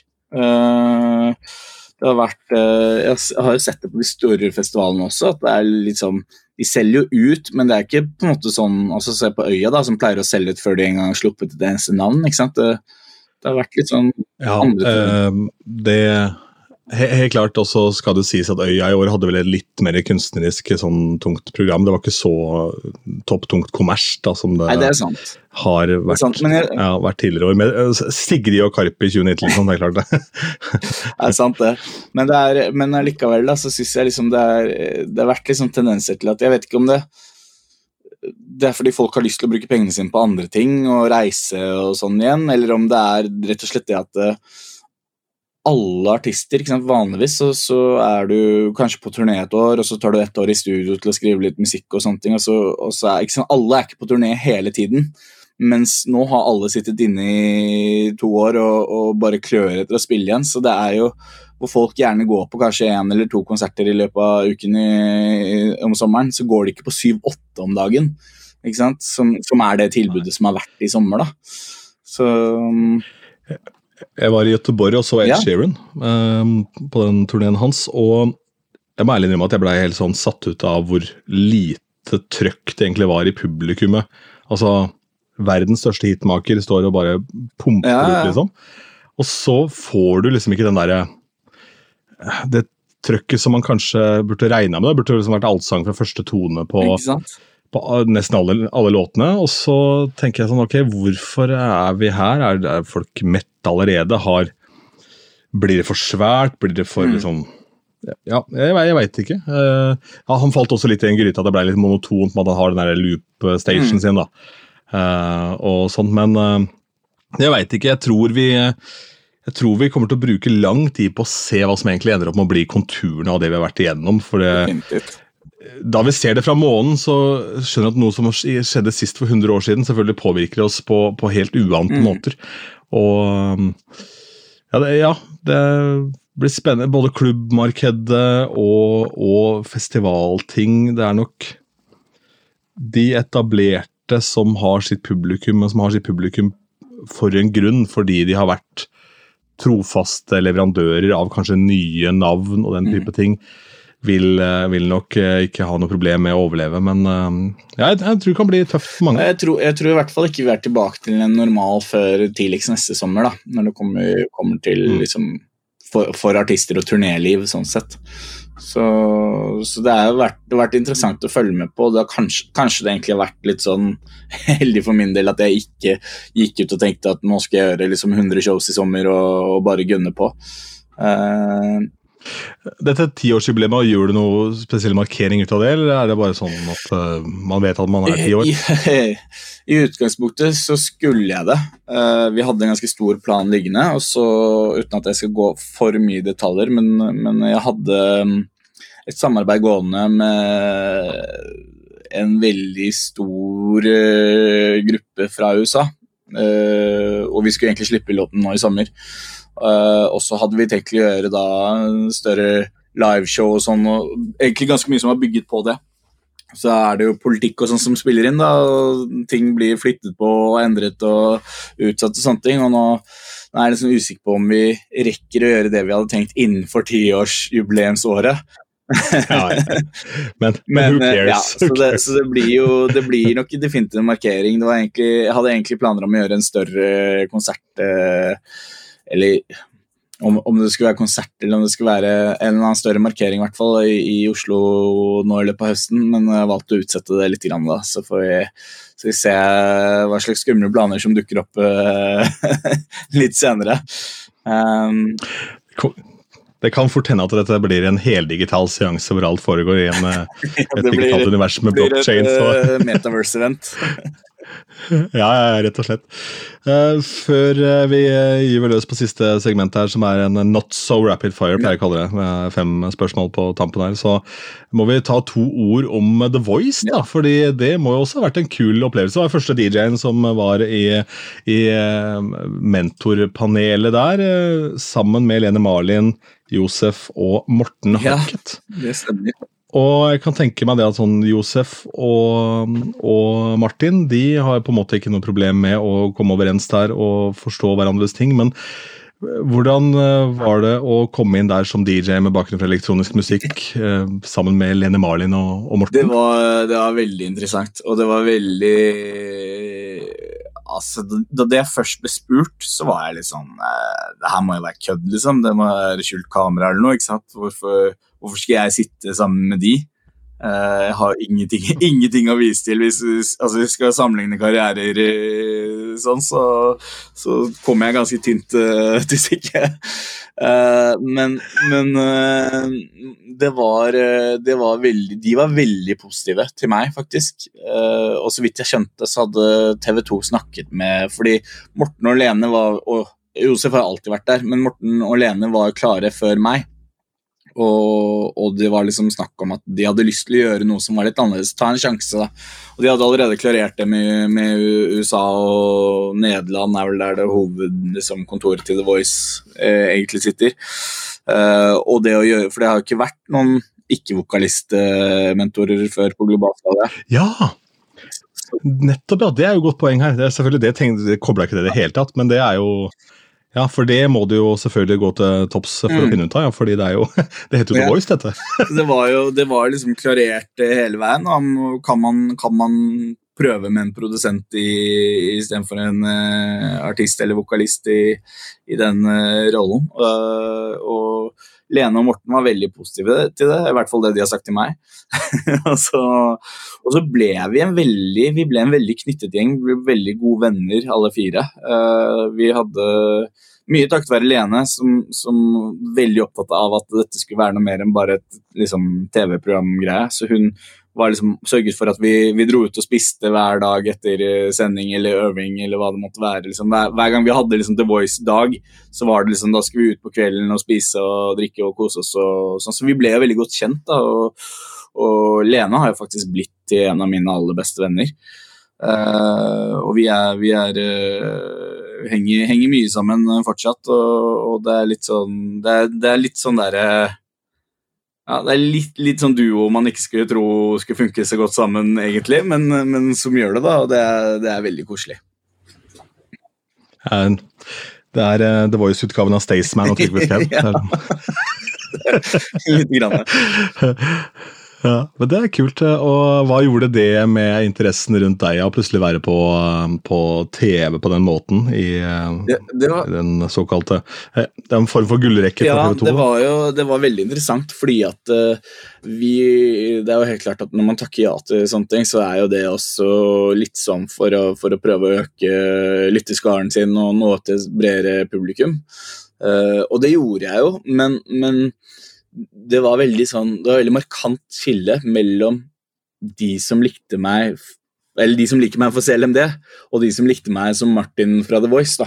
Eh, og at den, den crossoveren eh, var vanskeligere å få til eh, enn kanskje forventet. Eh, og at eh, de som da har et forhold til meg fra TV, ikke nødvendigvis lytter til musikken min, eller er interessert i å lytte til musikken min, og, og omvendt, da, at de som lytter til musikken min, egentlig ikke hadde ikke det, er, det, er, ikke de som sitter hjemme fredag kveld med fredagstacoen og, og, ser på The Voice, da er jo de på klubben, ikke sant.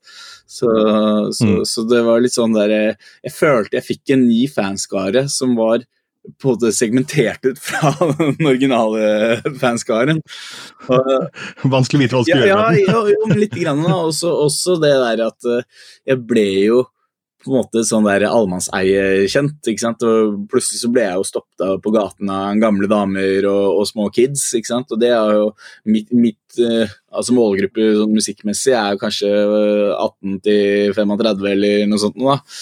Uh, og, og, plutselig så var det veldig mange utenfor den typiske CLMD-målgruppen som begynte å ta kontakt. Og det var veldig hyggelig, for så vidt, da, men det er veldig sånn annerledes ja. ja. Det ser den. Også, samtidig så er det sikkert også sunt at flere får opp øya for at det er faktisk ganske mye jobb å skulle gjøre.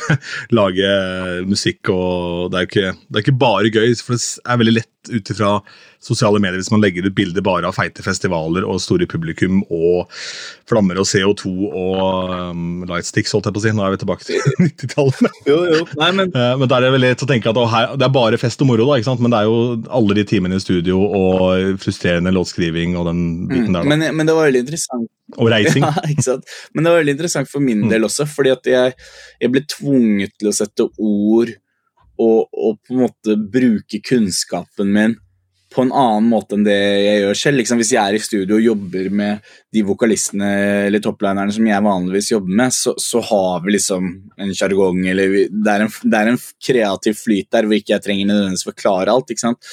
Og så kommer man inn i det segmentet her hvor jeg jobber med folk som antrag, altså fleste av de har ikke så mye erfaring på den, den måten.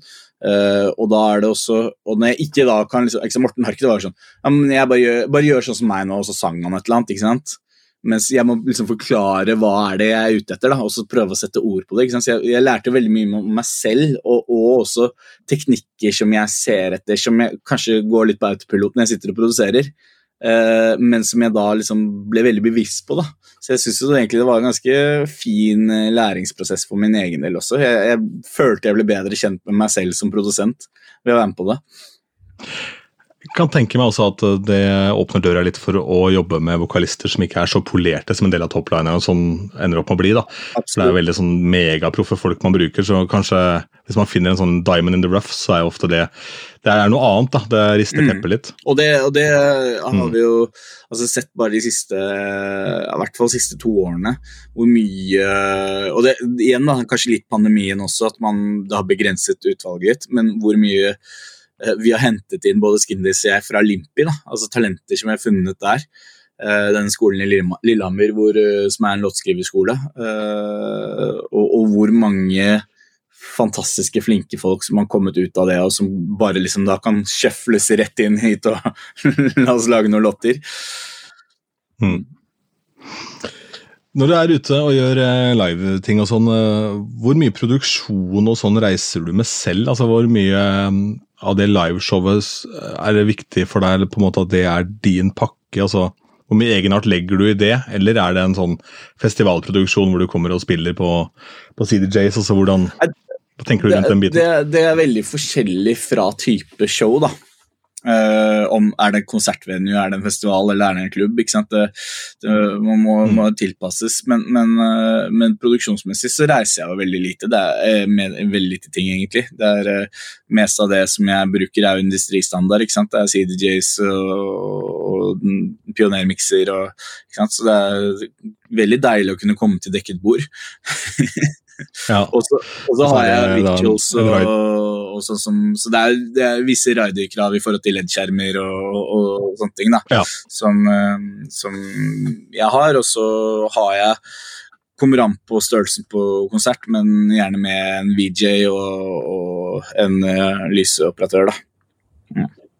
Ikke sant, ja. Mm. Det er um, det er jo der man må skille seg ut, og man må jo ha denne produksjonen som gjør at uh, det ikke bare er en DJ der oppe. Mm. på en måte. Det er, den tida er litt, for, litt forbi. Nei, jeg, har- jeg har jo alltid, og det, jeg sier det hver gang at jeg skyter meg selv i foten når jeg sier det, men, men jeg har jo ment at DJ-en aldri skulle vært tatt ut av klubben. For det er, det er jo ikke noe interessant å stå og se på en scene og se på en kar trykke på noen knapper, og du klarer ikke å se hva han trykker på engang. Så, så DJ-er er jo Det er jo tilbake til dansesegmentet eller vibe-greia som vi snakket om. At folk skal kunne interagere med hverandre. De skal ikke stå rettvendt mot scenen og se på en kar egentlig ikke gjør noen ting. holdt jeg på å si.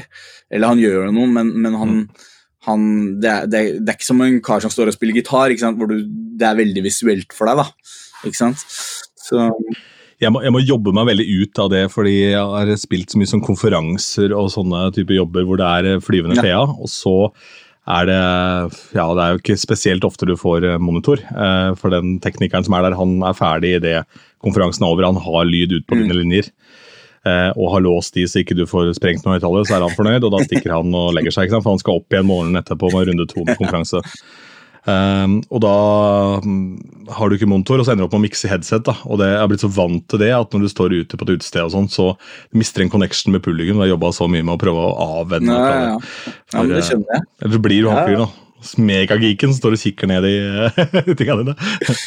um, Jo, jo men jeg syns også eh, på, på Ja, jeg, jeg, synes også at det, altså på klubben at jeg, jeg, får, jeg elsker å spille klubb. Jeg syns det er litt sånn Altså, jeg elsker å spille festivaler òg, men, men å stå på hovedscenen på en festival er litt som å kjøre en eh, Bentley, og, og det å stå på klubben er som å kjøre en Ferrari. ikke sant? Det er, eh, begge tingene er sykt fett, men det er helt andre forskjellige opplevelser. Og, og den kontakten som du får med publikum på klubb, er noe helt annet enn den kontakten du får Altså Det er en mye mer større distanse da når du kommer på konsertscene eller på festivalscene. Så, så det er igjen, da, ikke sant Du, du som DJ og det der at det er, liksom, det er bare en sånn uh, korridor mellom deg og, og, og fansen der ute som står og ser på deg fra en scene, kontra det å stå i klubben hvor du liksom du kan stå midt i rommet ikke sant? og du har folk rundt deg hele veien som danser, og du kan lese, altså, du kan lese på ansiktene deres hva, hva de syns. da. Uh, og de interagerer med deg, men de interagerer også med hverandre. ikke sant? Mye mer. på, ja, på en helt annen måte, Mm. absolutt. Eh, en som har løst det derre Bare slo meg nå kjapt. En som har løst det der eh, visuelle aspektet ved å DJ-e, det er han James Hype. Han har jo på radaren sin at han skal ha et kamera ovenfra. Som da viser tingene han gjør. Han driver jo veldig med sånn triks. Mm. altså Han er vel sånn hva er det de kaller det, controllerlist eller noe, et eller annet sånt. Han, han spiller jo disse CD-jaysa som et instrument, Ja, på en måte. Men han har den en kameravinkelen ovenfra som skal vises på storskjermer, og sånn, slik at du er med på Mm. reisen. da. For disse tingene skjer jo, skjer jo live eh, der. Men la oss eh, hoppe inn i rapid, eh, not so rapid fire her på tampen. Da har jeg et todelt spørsmål. Det er favorittgig, og da er det både som du har gjort selv, og som du har vært på. Uh, uff. Som jeg har gjort selv, er, er, den er veldig tøff. Uh, men uh, det må vel kanskje være første gangen jeg fikk spille på Ibiza. For det, bare, det var liksom sånn Check, liksom. uh, spilte på Es Paradis. Uh, ikke egentlig liksom den feteste klubben eller uh, det feteste opplegget, men bare det å liksom bli booka til liksom The Magic Island og, og komme ned dit og hele den opplevelsen med det, da, det, var, det var ganske fantastisk. Uh, Jeg kan tenke meg det at det å bli booka også er deilig, fordi det er veldig mange som booker seg selv til Ibiza, så spiller de på en kafé. ja, og så kan det stå på lista til ja, Ibiza, ikke sant? Nettopp. Uh, nei, ellers så var det også Det var også en veldig heavy greie, da, men um, da Madonna var i Oslo i 2012 og skulle spille i Telenor Arena, så eh, hadde hun Alesso som support. Og Alesso hadde ikke rukket flyet sitt fra, fra Ibiza, faktisk. Eh, så Carl og jeg ble ringt eh, og klokken kanskje sånn tre eller noe på ettermiddagen og lurte på om vi kunne varme opp for Madonna i Telenor Arena. Ja. Det, er også sånn, det, er, det, er ikke, det var ikke den kuleste gigen sånn opplevelsesmessig, sånn sett. For dette, sant, Madonna-publikum er sånn De er splittet, for enten så er det nye Madonna, som jo kan liksom dras inn i, i vår verden, eller så har du liksom old school Madonna-fansen som på en måte ikke er elektroniske i det hele tatt. Så var det sånn splittet publikum i, i Telenor Arena, men det å, det å spille altså Så ung så tidlig i karrieren å få spille for så mange mennesker, det var, det var en helt sinnssyk opplevelse. Uh, jeg leste rideren til Madonna fra den turneen, og der er det sånn uh, Hun skulle jo ha flydd inn eget kabbala, sånn velsigna ja, ja, ja. Um, og så krevde hun en helt ny do, altså et helt nytt toalett. Hun krevde vel at alle uh, toalettene på, på liksom til crew og, og altså hele backstage-området der da, skulle byttes ut. tenker jeg. Hallo, hva, hva, er det som skjer? Men, den kuleste ja. gigen jeg har vært på som publikummer, Uh, altså, jeg må jo nesten si Ultra Music Festival, hovedscenen med Swedish House Mafia, da de spilte CLMD. Det er vel ja, ja, ja. Det blir vel liksom ikke kulere enn det. ja, det er vanskelig, vanskelig å komme unna. Det, er, eh, det, må jo være en helt vill opplevelse. Og særlig når det på en måte det ikke er noen Altså Du har ikke noen formening om at det skal skje heller, det bare mm. dukker opp. Mm. For dette var den gigen de gjorde i eh, skal vi se, for Swedish de spilte jo i det, det teltet. Jeg bare husker det var i, noen det var i 2009, her. Og der var jeg også, og det var egentlig ja. kanskje den aller fleste opplevelsen jeg har hatt. fordi det var så altså det var så, det var så tettpakka og svett og jævlig altså Det rant kondens av svette fra taket på det teltet der. Uh, men det var så mm. sinnssyk stemning. Så, og det var liksom, Da spilte de klubbteltet, og så fikk de lov til å spille hovedscenen året etter. da, uh, Og da kom de også med den One med Pharrell. Uh, ja. Og det var sant, 70 000 mennesker ute på plenen der, og, og, de bare gønna det mest beinharde settet jeg har hørt noen gang. Og, og klemte, klemte, inn en liten CLMD-låt der, eller i hvert fall en CLMD, eller en remix de hadde gjort. da. Uh, og da husker jeg at jeg nesten svimte av. Liksom. Jeg bare sto og hadde gåsehud ja, ja. i, i fire minutter. Det, ja, men det er ikke noe rart, det. Det skjønner jeg veldig godt. og Det bringer meg over til neste. Det er favoritt-DJ, eh, og den er også todelt, faktisk. Det er både her til lands og Her til lands kan du få nevne flere, men la oss snakke om utlandet først, da, for det er jo ikke noe tvil om at det er vel Axwell som kanskje har ja, er, gjort litt Det er jo eh, det, men, jeg, men i, i, senere tid altså Jeg har alltid vært stor superfan av Martin Solveig. Eh, også, også, Bob Sinclair har vært eh, en av favorittene. og, og, og Diplo er jo mer sånn i, i nyere tid, da. Eh, Syns jeg Diplo er jo helt rå produsent, men også veldig flink DJ. Eh, og så syns jeg uh, har jeg liksom begynt å legge skikkelig, siste skikkelig elsk på Jax Jones. Jeg syns at han gjør så mye kule greier. Så det er, det er liksom mm. men, men, det har vært vanskelig Jeg har aldri hatt bortsett fra kanskje Swedish House Mafia, sånn derre Fikk liksom elsk på en artist. Det har vært mer på forskjellige låter, da. Og det å liksom ha, kunne bygge opp en katalog med eh, ekstremt mye forskjellig kul musikk. Jeg tror du og jeg var på eh, den samme gigen med Axwell på Stravinskij. Ja. Mente, jeg hørte, for Du har jo vært gjest i poden til Wolfgang V i starten av den poden, hvor det var en uh, noe mer flytende seanse enn hva det er nå. For nå har blitt, blitt, blitt, veldig proff etter hvert, Wolfgang nå, men da, da var det Det, det var, det, det var kjempedag. Det var tre og en halv time eller noe med pod, så det var ja. det skal jeg uh, kan, kan du unne deg hele, for der uh, misser Wolfgang et, et, en fest han skulle på, eller et eller annet. Stemmer det. ja. Men i hvert fall der snakka jeg om Stravinskij, og da husker jeg, da står jeg på gjesteliste alle ting, for da jobba jeg i Radio 1 sammen med um, Daniel Hamnes, sønnen til han der ja. Geir Hamnes, mistekongen. Og han hadde noe med dette å gjøre, så han satt hos gjestelista, og da hadde jeg med meg en kamerat som ikke hadde vært spesielt mye ute, og ikke hadde møtt spesielt mye kjente folk. Så der var Erik Soler ja. Eh, og noen venner eh, på den gigen. Og det var en helt vill opplevelse for meg også, men det ble enda litt villere for han når han skulle spandere et helt brett med vodka Red Bull på Erik Soler og hans uh, vennegjeng da, som satt der, hvor han da snubler eh, velter over ende en sånn kandelaber, så det spruter stearin utover hele min nye dressjakke eller blazer. Og for å så bare hvelve hele det brettet utover bordet. Så istedenfor å spandere drinkene, så bare renner ja, det sånn ti Ja, det er deilig. Så det var Bjørn Tore, da, min gode venn, der. Um, og for å så havne i kjempekrangel med noen uh, karer utafor etterpå, så fikk vi tak i en taxi og fikk stikke fra de. For å så begynne å brøle ut av vinduet på taxi. Men det er en helt annen historie. Men der Det, det var en sånn absurd opplevelse, for da ser du en av verdens største DJs på sånn bitte liten Mm. klubb i Oslo. Uh, og han hang opp under taket der i den DJ-boksen, og han spilte liksom, I Found You, som er min Ja, favorittlåt. da. Så bare gikk helt rundt i huet på meg. liksom. Ja, det var eh, Heldigvis før jeg ble searched der innpå. Nei, det var opplevelse. Men det var, det var sånn den tiden var. Du kunne plutselig se ikke sant? Jeg husker Tiesto på Skansen. ikke sant? Eh, Rom med 50 pers. Og, Mm. og du hadde, ikke sant? Det var bare sånne merkelige Hadde jo Avicii på Emil og Samuel også.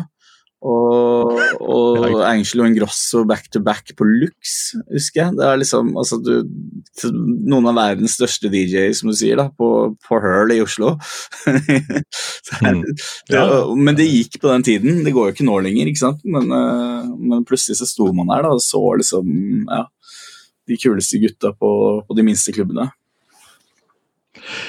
Norsk favoritt-DJ, har du noe? Eller noe så hvem er det man bør se opp for her til Oi, det er jo Det er sikkert flere, men, eh, men jeg, jeg syns jo Funken Matt da, han er jo helt fantastisk rå. Hvis man ikke har fått med seg han, så burde man sjekke ut det.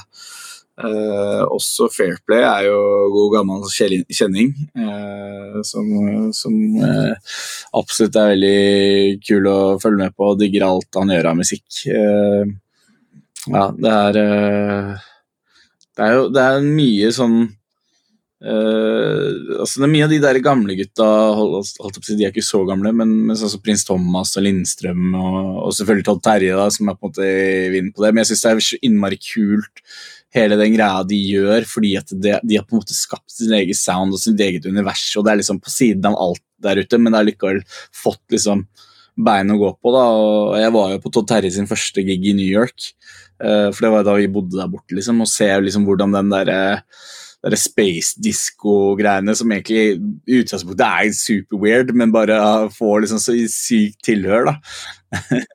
Mm.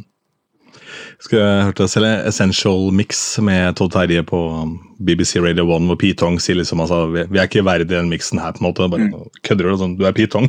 altså, var, altså, eh, han var gigantisk der en periode. Ja, ja, ja. Inspector Norris. Absolutt. Mm. Hva ville Martin eh, i dag fortalt eh, den Martin som starta å spille en gang for mange mange år siden sammen med kompisen Carl? Uh, jeg har lyst til å si 'ikke byen'. Begynn med Ja, blockchain. Begynn med noe annet. Uh, stick to gaming.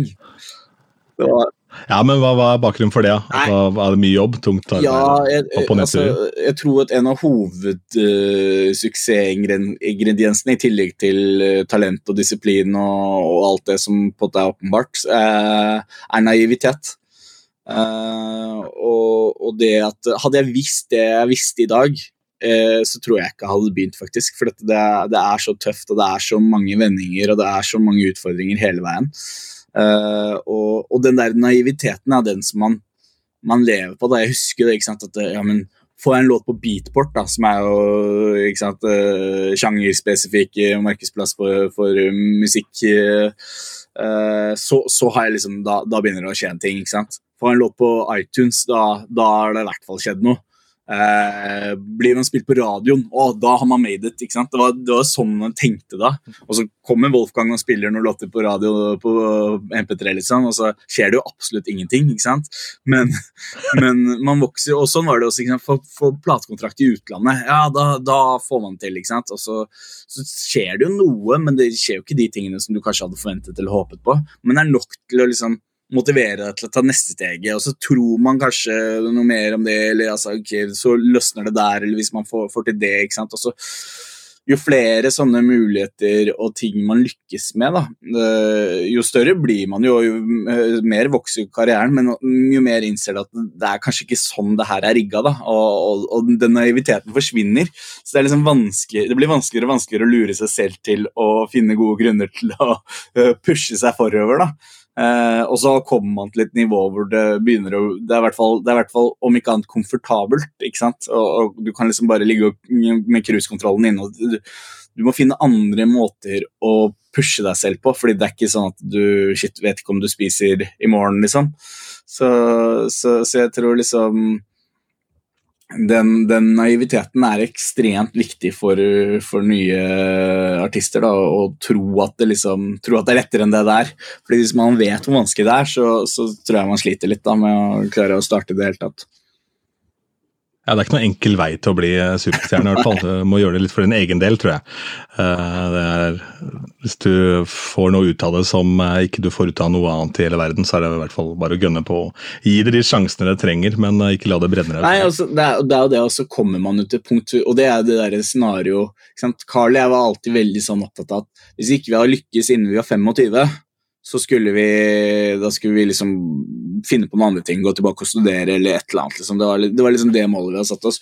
Men ingen av oss så for oss at vi kom til et scenario hvor det er liksom Vi har kommet så langt at det er for sent å snu, men man har ikke kommet så langt som man egentlig har villet komme eller forventer å komme. ikke sant? Det er ikke, ingenting er svart-hvitt. ikke sant? Så du, du, sitter jo i en posisjon hvor det er, liksom, det er ekstremt mange som drømmer om å komme til det nivået jeg har kommet til. ikke sant? Bare komme hit. da. Mens det er på en måte ikke nok for min del til at jeg føler at jeg har runda musikkbransjen. ikke sant? Så det er, det er liksom sånn derre det, det, er for sent å snu, rett og slett. ja. ja det, det er nærmere mål enn start, men det er fortsatt et stykke igjen til mål. hva, hva var alternativet å studere, forresten? Uh, nei, det, det vet jeg ikke kanskje film. Uh, alltid vært opptatt av kreativt. Uh, veldig glad i mote og, og motedesign. Så jeg tror, tror, det hadde vært noe med skapelse uansett. da, Noe kreativt. Uh, ja, nok, ja. Og jeg har alltid, alltid, ansett meg som mer kreativ enn musikalsk, da, og brukt det inn i, i produksjonen min også. og det å kunne liksom det, det var litt tilfeldig at det var musikk jeg drev med der og da som på en måte åpnet de riktige dørene. Det kunne like gjerne vært et par andre ting da, som hadde gjort at jeg hadde forfulgt andre kreative yrker. Ja, ikke sant. Det er eh, ja, ruta i deg, på en måte den kreative biten. At det er det som ligger i bånn. Så hvilken aveny du tar, det var litt tilfeldig ja. der og da. Mm. Så, og det, det, er noe som jeg på en måte kjenner på hele tiden i livet, og, og det kommer jo kommer nye ting til meg da, hvor det, jeg har lyst til å utfordre meg selv eller prøve andre veier. da, og, og teste liksom, Kan det være noe for meg eh, liksom, hvor jeg kan få en utfordring ved siden av musikken? da. Mm. Eh, hvis du eh, da hadde fjerna CL da, fra CLMD, så hadde du jo blitt doktor? da? Ja, ikke sant? det er faktisk sant. Professor på beats. Ja. Hva gjør du når ikke du surrer med musikka? Har du noen hobby? Ja, jeg eh, er jo blitt forferdelig hekta på golf.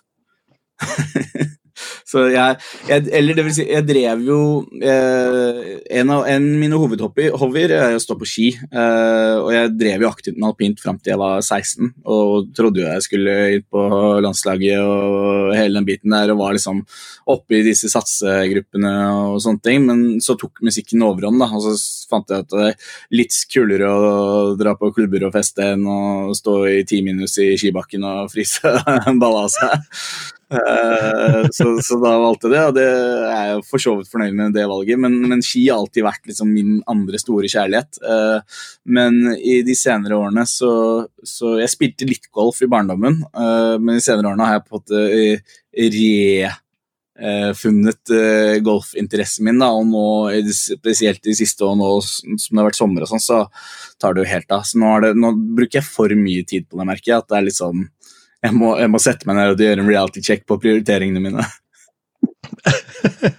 ja, men Det er et sunnhetstegn, tenker jeg. At uh, man må uh, prøve å ikke bruke for mye tid på fritidssyslene. Men det er sikkert også en fin prosess for å rense huet litt. da, og det på en måte sånn, Ja, og det, og og sånn. det har det vært eh, faktisk at det, det at jeg har muligheten til å gå ni hull uh, med golf før jeg drar i studio. Altså Alle andre musikere står jo ikke opp før 11 uansett, så de er jo ikke i studio før sent på kvelden. ikke sant?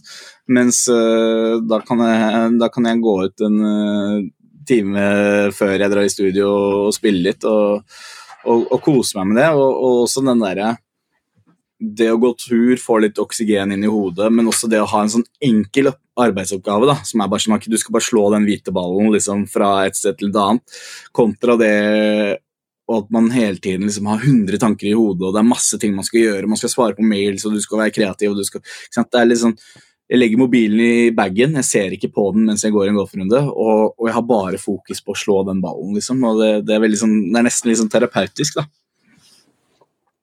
Det tror jeg på, og det er jo veldig mange som nevner det. Og det er jo ikke akkurat få rike og suksessfulle folk som driver svære firmaer og har mye i huet, som uh, har golf som, som uh, bi, jeg holdt på å si geskjeft, men som i hvert fall hobby da, Mm. siden av, og syssel. Det er det siste spørsmålet, og det er jo veldig ofte um, det spørsmålet som mange anser som det viktigste. Hva er din favorittbit i Twist-posen? ja. Uh, ja, det er uh, Jeg får så jækla mye kjeft av dama for at jeg liker bananen. Så jeg vet, ikke, jeg vet ikke om bananen er egentlig favoritten min, men jeg får de for meg selv, så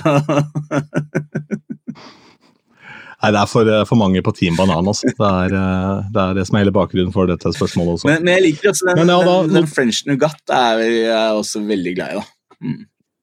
Ja, den er fin. Jeg er helt enig. helt enig. Da noterer vi enda en på Team Banan. altså Jeg ligger under nå. så jeg er Team Ja, okay, Lakris. ja. ja, men jeg er også veldig glad i lakris, da, så, så alt, alt går i grisen, vet du. Herlig.